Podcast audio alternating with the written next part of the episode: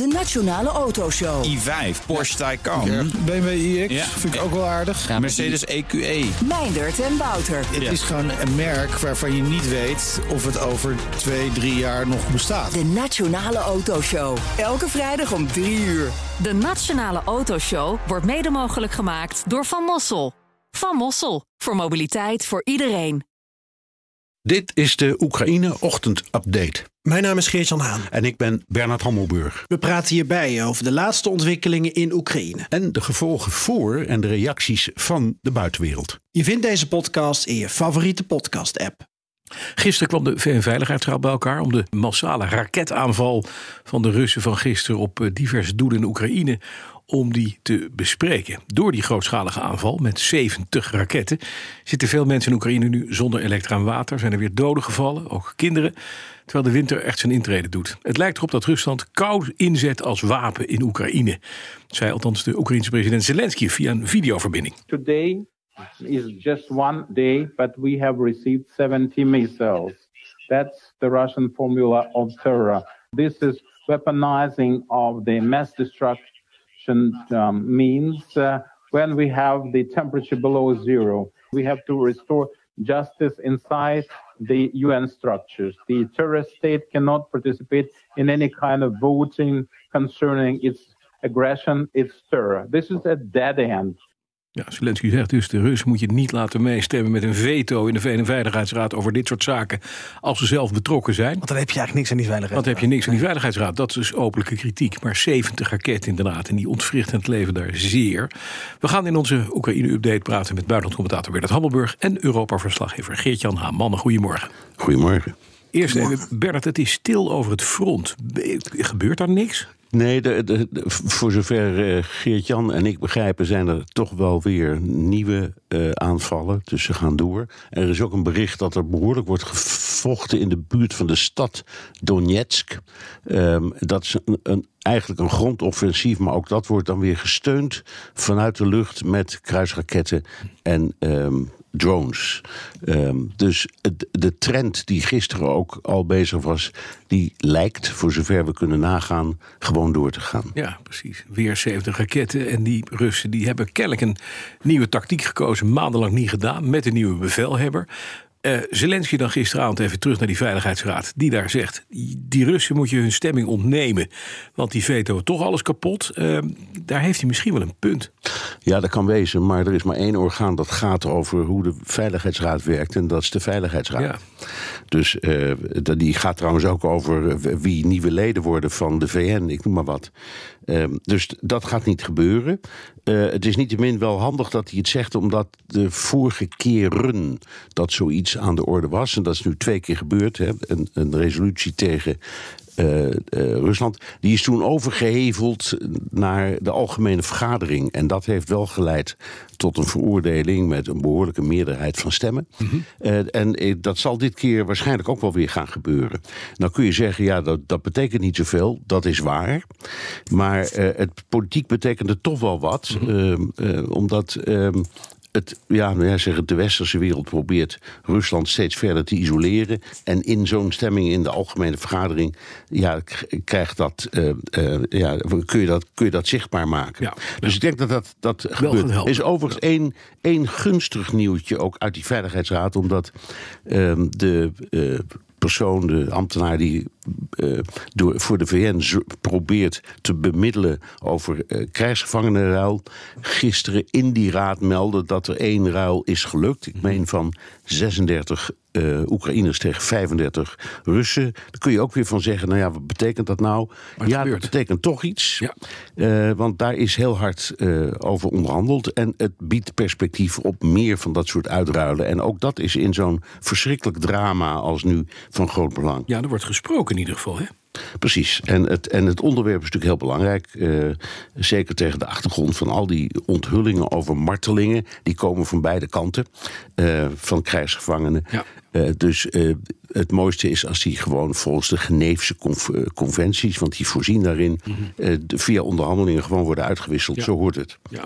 De, de, eventjes wat Zelensky nog zei. Hè. Die zei weaponizing. Eh, inderdaad de winterperiode gebruiken door stroom en elektra uit te schakelen om de bevolking te demoraliseren. Ja, dat klopt. Heeft dat, eh, dat heeft hij gezegd. En heel opmerkelijk, daar hebben we het gisteren in de uitzending ook al over gehad.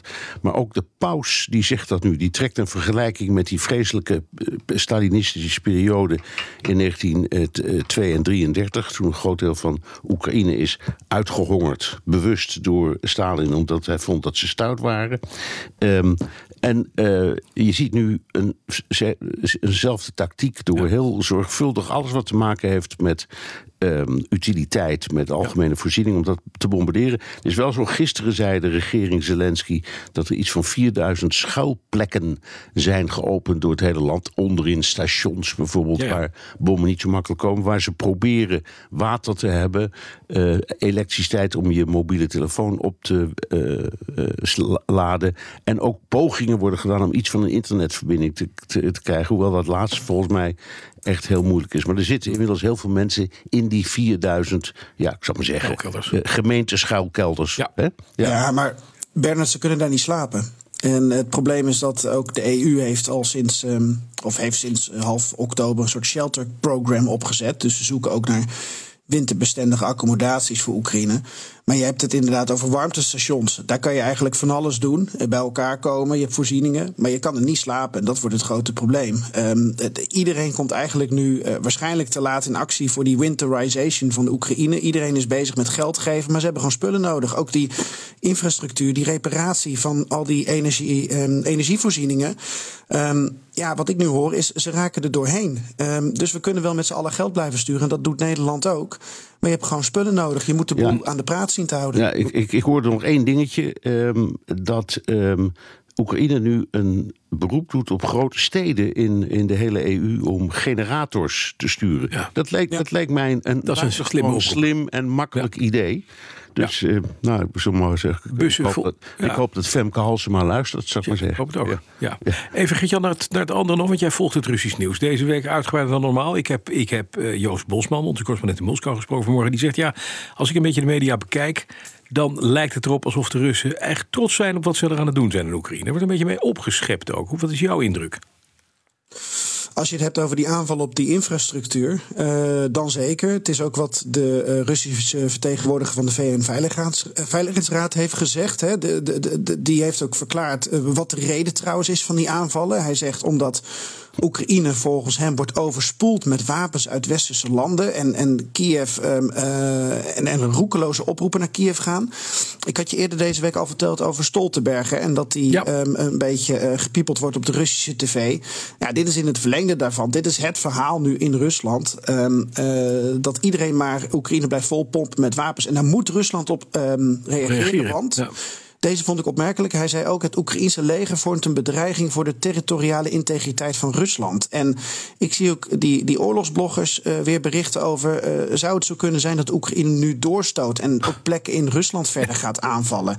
Dus het verhaal wordt een beetje uitgebreid. Ja. Maar ja, ehm, inderdaad, eh, ook die oorlogsbloggers die zeggen: ehm, eh, hartstikke goed dat we het energiesysteem van Oekraïne nu stuk maken. Ehm, ironisch genoeg hebben ze een, een punt wat de argumenten betreft. Want ze zeggen: ja, dit heeft eh, groot effect puur militair, dus logistiek en communicatief.